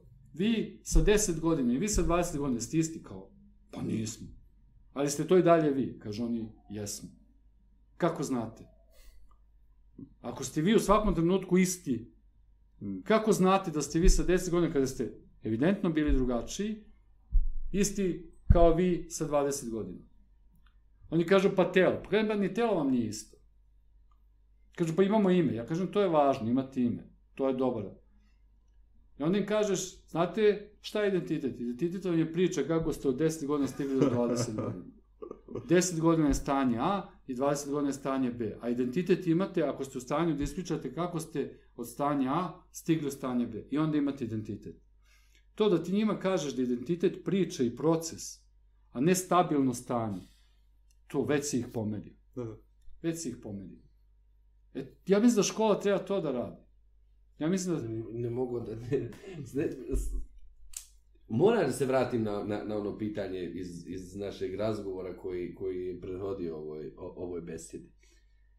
To je nekako metod, jel tako? Svejedno koji je sadržaj, jer, jer život i onako ne bira sadržaj, niti ga možeš birati. A podrazumijeva ozbiljnog nastavnika, šta god to ozbiljno bilo. Je li, je li naši obrazovni sistemi imaju hordu ozbiljnih nastavnika koji to mogu iznijeti? Meni je to na, nek, na koncu jednostavno. No. Vratit ću se, vratit ću se ja na tvoje pitanje i probati da ono, da moj odgovor zvuči drugačije od onoga što sam ti bio To je rekao. priča. Da, to je da. priča. Ali, ovaj, ali, ali, ajde da završimo samo Ajde, priču o identitetima. Onda ti njih kažeš kolektivni identitet. I ajde, u redu, pričat ćemo o naciji. I onda ja njima kažem, ta deca s kojim ja radim, naj, najčešće su, jeli, deca koja sebe vide kao Srbe. Ja kažem u redu, Srbi sa početka 21. veka i Srbi sa početka 20. veka, su to isti Srbi. Kažu, oni jesu. Ja kažem, dobro, ajmo sad ozbiljno. Oni kažu, pa dobro, nisu.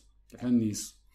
Oni kažu, ja kažem Srbi sa, dva, iz kraja, s početka 21. veka i Srbi sa sredine 19. veka. Su to isti Srbi. Pritom znaš ovo što čega smo krenuli, Aleksandar Ilić, što je dobro napisali se. A pa nisu. Ja kažem, je li jezik isti koji smo Pa nije, stvarno nije. Ne razumeš ništa kad uzmeš te tekstove iz 19. veka, ništa ne razumeš. Ja kažem, pa kako mi znamo i dalje da smo mi ti Srbi? I sad, pošto sam ja njima ispričao to šta je identitet i da je identitet priča, kao, pa umemo da ispričamo priču. I, i drago im je. Od tačke A do tačke B. E, drago im je. Drago im je jer su shvatili. Aha, kao mi sad to. I onda, i onda ih sačekaš zapravo sa sledeće. Dobro, a ko priča tu priču? I onda kao, ups. Ja kažem, jeste vi ispričali tu priču? Pa nismo. Pa ko je ispričao? Pa kao u školi. A ko je rekao da se to priča u školi? Više pripovjedača je bilo. Da, pa zapravo to bi bila srećna okolnost da je bilo više pripovjedača, najčešće je pripovedač samo. Jedan. I onda ih ti pitaš, pa dobro, deco, a ko ima pravo da u vaše ime priča priču ko ste vi, a da vi sa tim nemate nikakve veze? I da morate tu priču da prihvatite zdravo za gotovo. E, to znači raspakivanje. To znači raspakivanje. Ali to ne znači da kad budemo ponovo uzeli da pakujemo, da mi nećemo da se složimo da mi jesmo nekakav kolektiv koji ima svoju istoriju. Ali ćemo zapravo razumeti jednu drugu stvar, da tu istoriju oblikujemo mi. I da mi imamo pravo i da ispričamo tu priču. A da smo onoliko dobri pripovedači koliko znamo i koliko činjenice imamo i koliko možemo da proverimo ono ili neko drugi da proveri ono što mi pričamo. I onda smo nešto, onda smo nešto napravili. Kakvi nastavnici su potrebni? Da, ja mislim da sve ovo što sam ja rekao beskrajno jednostavno. I ja verujem da, evo, ne znam, ako se ljudi javljaju i sve, evo, pitajte ih jesu razumeli ovo što sam ja sad rekao i da li oni misle da li je to tačno ili ne tačno. Ja verujem da su svi razumeli. Stvarno verujem da su svi razumeli. Da li to može da se uradi u školi? Pa mislim, ja ne mislim da, da neko, nešto što ja mogu da uradim, da ne može da uradi niko drugi. Naravno da mogu svi da, ako sam ja mogao to da ispričam, može da ispriča bilo ko. Pitanje je da li oni misle da to treba da se priča. Ja onda ne bih rekao, naravno da treba i sve, nego bih pitao, pa šta vi mislite? Jel treba ili ne treba? Ajmo da se dogovorimo. Ja bih voleo, ali ako vi kažete da ne treba, evo vi recite šta treba, pa ćemo se dogovoriti, pa ćemo da radimo to nešto drugo. To je, e, znaš, kad bi ti kaže kakvi nastavnici, pa ne znam, takvi su kakvi su, mi smo takvi kakvi smo. I takvi kakvi su oni rade u tim školama i imaju pravo da se pitaju o tome kako i šta treba da rade. Da li oni treba da budu isti kao ja? Ne daj Bože. Naravno da ne treba da budu isti kao ja. Mislim, to je bilo strašno. Da li treba da uzmu u obzir ovo što sam ja njim sad ispričao? Pa ako hoće neka uzma, ako neće nek zaboravi. Imaju pravo na to. Imaju pravo na to. Ali bi super bilo da mogu da se dogovaraju i da mogu da kažu šta misle. To bi bilo super. Recimo, pretpostavljam, ja ne znam, vi sad to gledate. To mi je zabavno, sad ovo traje, a vi gledate na telefonu, da li ima neki komentar, da li neko nešto kaže. I Ne, sve. ja, ja, ja samo slušam. Dobro, dobro. Ja pratim. Da, da, mislim, dobro. Ovaj, e sad, ako ljudi ovo zaista gledaju i ako nešto komentarišu, samo sad treba da zamisli da sam ja ministar. I da sa- ne, da- prekini, prekini primjere, prekini E, deset. e, i sa istom slobodom, i sa istom strašću, i Da sa to istom kritičkom željom, Jo, znam, fenomenalno. da se isto komentarišu kao što komentarišu ovo što ja sad pričam. I ne samo to, nego da to što komentarišu bude obavezujuće za ministra, da mora to da pročita, da uzme u obzir Tako je. i da promeni svoje stavove. Sjajna forma. Pa Trebamo da. to probati. Eto, Trebamo To je to. probati. tako da ja mislim da je svaki nastavnik sposoban za to. Svaki. Ne, ne, ne, vo, vo, vo- volim, volim, volim to što, što vjerujete. Moram, ja. Dobro, ajde. Da. ja hoću vjerovati. I radimo. Radimo. Radimo na to. Pa, idemo na, na naredno pitanje. Može. Nećemo identitetima. Ljudi, imate ljudi milost. Prema kome? Prema... Koliko je već prema gledalcu, prema... Koliko je već pričao? Oni mogu uvijek prekinuti, nije To je istina. Mogu Sloboda. Mogu- Sloboda. tako, mogu se- pauzu, pa nastaviti kasnije. Ne, ne, možemo, aj- ajde, koliko je, koliko je već pričao? O, Pa, sat Pričamo već 20. sat i 20. Dobro, ajde, Evo, to, je, idemo na- to je u granicama. Je. baš. Idemo Ješ. na za kako je zadnje pitanje. Onda, Pa da zaokružimo. ono što mene zanima, ono, bavio Ako time se i pisao si, ovaj, kako je obrazovanje prisutno medijima? Kako A, zapravo, kako, da. kako mi vidimo uopće obrazovanje u medijima različitim? Da, da, da. A, došlo mi da ti kažem, to je odlično pitanje, pa sam kao, ne, nećeš koristiti te fraze, ne sme. A šta ti misliš, Namire? A šta ti Da. Ovaj, a, a, a, ali stvarno je to jako važno i zanimljivo. Zato što, ne znam kako je kod vas, ali u Srbiji zapravo do nedavno najčešće se obrazovanje govorilo samo onda kada nastavnici štrajkuju i traže veće plate. I ništa drugo nije bilo važno. I ja sam, previše govorim ja, ali ne znam kako drugačije to da kažem. Dugo sam pisao da nastavnici, pored toga što postavljaju zahtev za većim platama, moraju da postave niz drugih zahteva.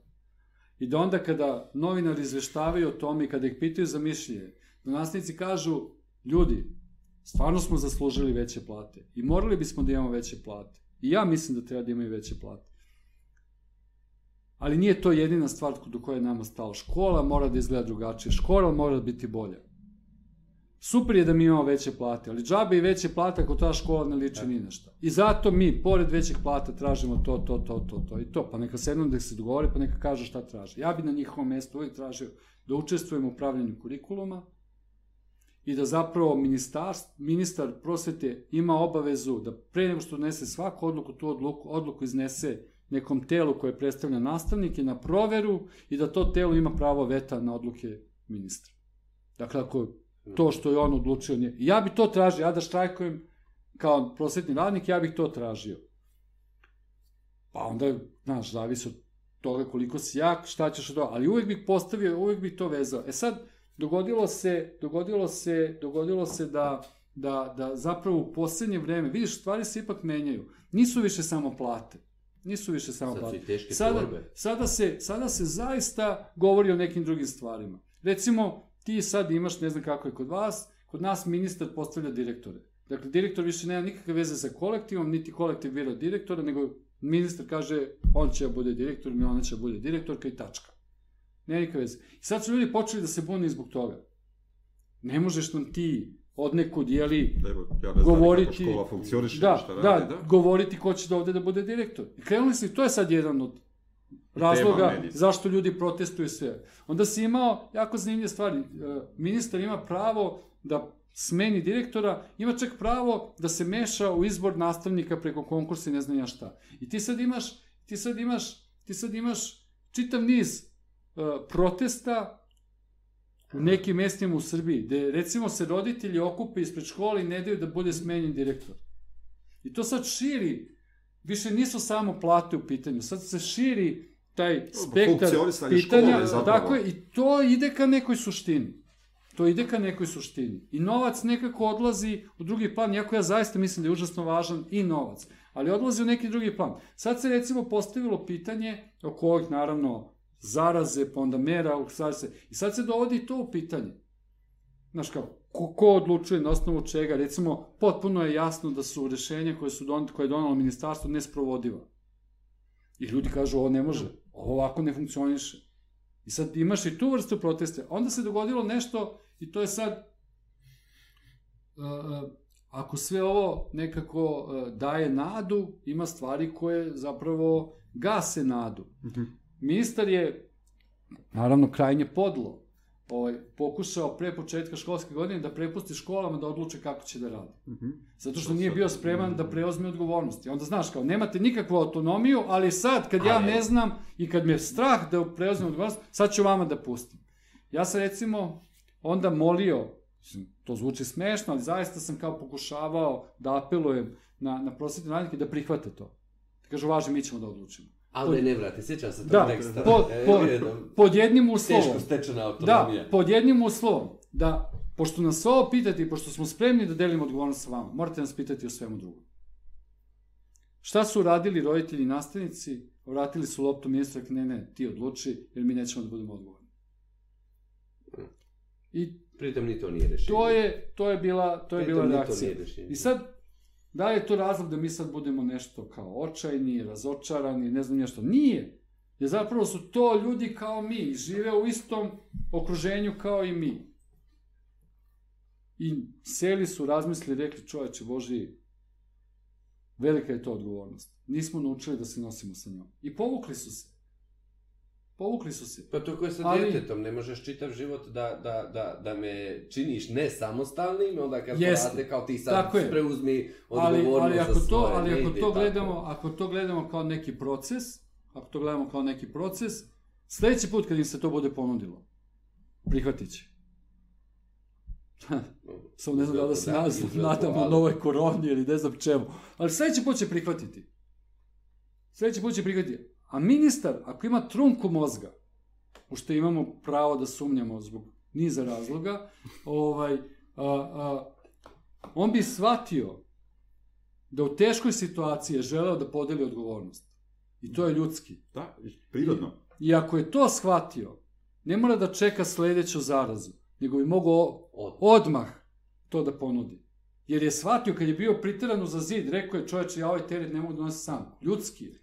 A inako i kod, i kod nas škola funkcionisala bez ministarstava, tako da... Da, da, da, tako Može. da, tako da, tako da, ovaj, tako da, a, a, a, ne znam, ima, ima, ima, ima, ima, ima ti kao dobrih nagoveštaja, ima ovih koje te kao malo obeshrabruju, ali sve je to jedan proces. I kao, gde to kreće se, ti imaš sad, pošto su sindikati, naravno, uvek u nekakvom dogovoru sa vlastima, prosto su zloupotrebni, ja ne znam kako je kod vas, ali Ne znam, ti, ne da, pratim. Znam. da, Ne, da, ne bavim se obrazovanjem. dobro, e, onda, onda ti znaš od sindikata zapravo vrlo često ne možeš da očekuješ da dosledno brane interese prosvetnih radnika. Ali što sad prosvetni radnici krenu se organizuju mimo sindikata. Ne, Ovdje nisu. to je fenomen ove pandemije. Mi smo to govorili na nivou učećih zajednica koje su se pojavile i to je, to je nevjerovatno i to treba ohrabriti. E. Tako da se stvari kreću, znaš, to sve vri, to je kao jedan ono lonac pod visokim pritiskom i u njemu sve vri, šta će da iskoči iz tog lonca, vidjet ćemo. Ali nešto se tu događa, ljudi nešto pokušavaju da urade, vuku svako na svoju stranu i tu sad se pojavljuje taj, ta ključna falinka, ključna manjkavost škola, a to je da, da, da ne umemo da se dogovaramo i da ne umemo da sednemo svi zajedno kad nas muči neki problem i da vidimo šta, nego zapravo uvek postoji neko ko kaže ovo ćemo da rešava i onda drugi ubeđuje da je to rešenje i onda ima pristalice i ima protivnike. Tako i sada, jedan broj nastavnika hoće jedno, drugi broj, i čim misle različno, oni kaže evo razjedinjeni smo, ne možemo ništa da uradimo. Da, da. Umesto da kažu dobro je da smo razjedinjeni, znači mislimo drugačije, ima više opcija, ajmo da sednemo i da vidimo Ja, da. šta da izgleda. A oni kažu ne, ne, razjedinjeni smo, ne možemo ništa da uradimo. Jel Kod nas je, kad ne mislimo, kad ne mislimo isto, to je odmah loše. I kao evo, hoćemo da uradimo nešto i vidimo šta treba da uradimo, ali ti hoćeš ovako, ja ću, e ne, dižem ruke. Ne, Neću sad nikako. Sad neću da kao, da. Mi to, kako je to da se razlikujemo, kako je to loše? Podsjeća na opoziciju, jel tako? Pa, to da. Ne, u tu priču neću. Kako si pomenuo malo prije te proteste za direktora, samo zamišljam kako će moj namjer da, da, da Kako će ti nada doći E, ali- roditelji, nemojte nam namira. E, ali, ali to je bio herojski otpor roditelja. Njima, ja mislim da je u Zemunu, jeli, u toj zemunskoj školi osnovnoj, mislim da deca neki nedlju dana nisu išli u školu. Ali su stajali Za namira i mjesec. E, ali su stajali, stajali, stajali e, roditelji i djeca zajedno u školskom dvorištu. Simbolično su htjeli da pokažu, nije stvar u tome da nećemo da idemo u školu. Hoćemo da idemo u školu, hoćemo našeg direktora. Naravno da je ministar ono, kao mazga bio tvrdoglav i da je naravno smenio tog direktora. Naravno. Jer ima svu moć. Tako koja je. to može do kraja da I to je onda Ako se pokazalo... povuče, morat će onda i drugima da E, nam ustupa. Ali je, ali je, ali je, ali je tih mjesec dana bilo herojski. Mm. Znaš, i to sljedeći put će ljudi otići korak dalje. Tako da mirno i polako. Eto. On neće biti jedini razgovor, Devine. M- Mi ćemo te zvati. Da, da, ali vidiš da ljudi Svako negoduju. malo. Vidiš da negoduju, kažu pričamo o nekim stvarima koje njih ne zanimaju. Da, na kraju je bilo kao super, dočekali s pop kulturu, onda ista gledateljica i gledatelj jer nije imenom i prezimenom, konkretno nešto, onda opet identitet, i onda opet na kraju tačno Evo je ono, konkretno nekada- nešto u, u, u Dejanovoj knjizi, Fantastična škola, novi prilaz za drugačiji kurikulum. Um, nemamo puno primjeraka, ali imamo u stepu primjeraka, tako da, da nastavnici, evo da, da, da, da pokažemo nastavnici iz naše zajednice koji bi voljeli ovaj primjerak da, da, da kupe, mogu da nam se jave a, uvijek, a Dejane kao što gledam da ćemo morati novu, novu turu knjiga da dovezemo u Bosnu. Pa to bi, kao bi rekao. I red je početi izdavati ovdje. E, to sam htio da vas pitam. Ovaj, kad, kad, kad smo kod tog, na, na, načeli smo to. Um, izdajemo u stepu, izdajemo Vidio sam, da, i jako dobro izgledaju knjige. A ovo što smo Gledao sam, krenuli... i sinoć sam ono uzeo da gledam. Ozbiljno? Jako dobro E, izgledaju. bravo.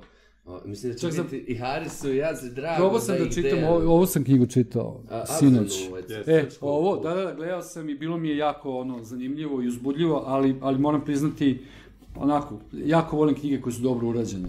Znači, dizajnerski, dobro Aha. rešene, dobro oštampane i sve, i ove knjige to jesu. Tako da, E, bravo, super, super, hvala. super, ovaj, A- super je to. Onda sam čitao kao, i onda sam zamišljao, bilo mi je, baš mi je bilo ono zanimljivo, kao, uh, odmah, se- ja, ja uvijek u nekim situacijama prosto ono zamislim kako bih ja to radio, onda ima ta neka vežba kao uzmeš slamčicom kao vodu, pa kao i prebacuješ iz jedne čaše u drugu. I, i- a, je li reč o, o deci koji imaju govorne mane i kako sad s tim govornim manama da izađeš na kraj. Ja sam se ja raz- razmišljao, čekaj malo, kakve veze ima to kao sad mi vodu? Pa ne, vežba super, ali kao, i onda, pošto se ja u to ne razumem, nisam, a- ali i, i na presku sam kao, aha, stvari u disanju. Moraš da naučiš da udahneš. što je da... najbolje?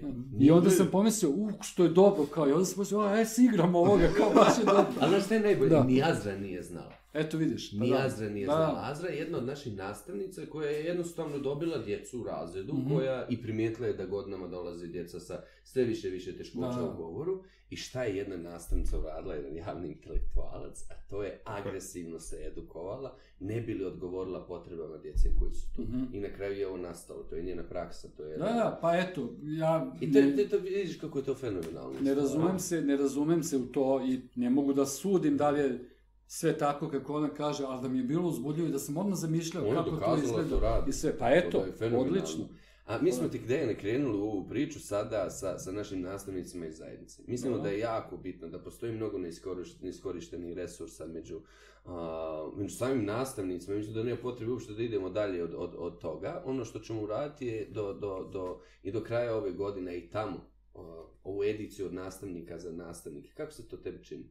Znaš kako mi se čini? Čini mi se baš onako kako smo pričali cijelo ovo veče, a ti si kao bio pomalo sumnjičav i sve. Znaš, nekako, nekako... Sve na stranu, ali mi kad, kad se sve ovo završi, mi radimo. Da, mi da, radimo ali- i to, to ali- me izvlači. Ali evo šta ste vi uradili. Dakle, obično drugi pišu knjige koje nastavnici treba da čitaju i po njima da rade i sve. A vi ste rekli, e, nastavnici, ajde, krenite da pišete knjige, da pokažete u stvari kako treba da se radi, šta treba da se radi. I onima koji inače pišu knjige za vas, da kažete, e, prijatelju, ako još pišeš knjige za nas, evo pogledaj, to treba da izgleda ovako. I moraš da znaš ove stvari da bi mogo da nam se uopšte obratiš. Dakle, vi radite tačno ono što ja mislim da je, da je, da je, da je, da je, da je, da je, da je ispravan put. Dosta Dakle, dobro.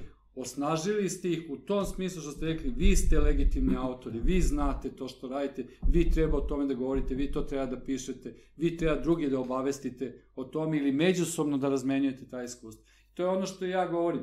Pitajte ljude šta rade, pitajte kako im je u tim učionicama, pitajte šta im treba, pitajte šta bi bilo najbolje da se radi. I oni će vam reći. Neki će reći jedno, neki će reći drugo, sledeće ćemo se slagati, sledeće nećemo, ali ćemo da razgovaramo pa ćemo da vidimo gde ćemo da stignemo. I vi, to, ja to tako vidim. Ja vidim to, izvolite, E, recite i vi ste to. I pritom, ne, ne znam koliko, ja sam izdavač. Dakle, ja kad gledam knjigu, ja gledam kako je ona urađena. Naravno, ja bih te sad pitao što se ovaj omot ide ovako uokolo, ali sad dobro, to je, ali sve, pa da, ali, ali, ali sve, ali sve, ali sve, os- sve ostalo osim ovoga što, recimo, ne razumijem, ali možda je Ne, ne, zanimljivo. Nisi, ne, ovaj, Da. nisi dobio finalnu verziju. E? Mi smo to napravili za, za, za promociju, čisto da bi ljudi vidjeli da dolazi. Tu dolazi sada Mhm. Aha, i, ide- set kartica. A ja, da, vidiš, pravi se e, tako dobro. da ide svašta Dobro. nešto unutra. Dobro, ali A, sve, da sve ne- drugo, sve drugo, a evo sad razumem, evo sad kad se stavi ovako zapravo i onda pretpostavljam da ovo džep neki u Tako. koji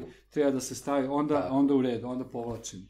E, ovaj, hvala ti. Pitanje, riječ. ovaj, da, riječ. ovaj, ali sve drugo urađeno jako dobro i, i, i, i jako je kvalitetno oštampano i očigledno se neko potrudio koji je radio grafički dizajn, što je inače jako važno. Važno, ta prva da poruka, važno. ta prva poruka koju ti šalješ zapravo govori o značaju koji ste vi dali ovome, o trudu koji ste uložili u to, mimo sadržaja, mimo svega, prosto i to su poruke.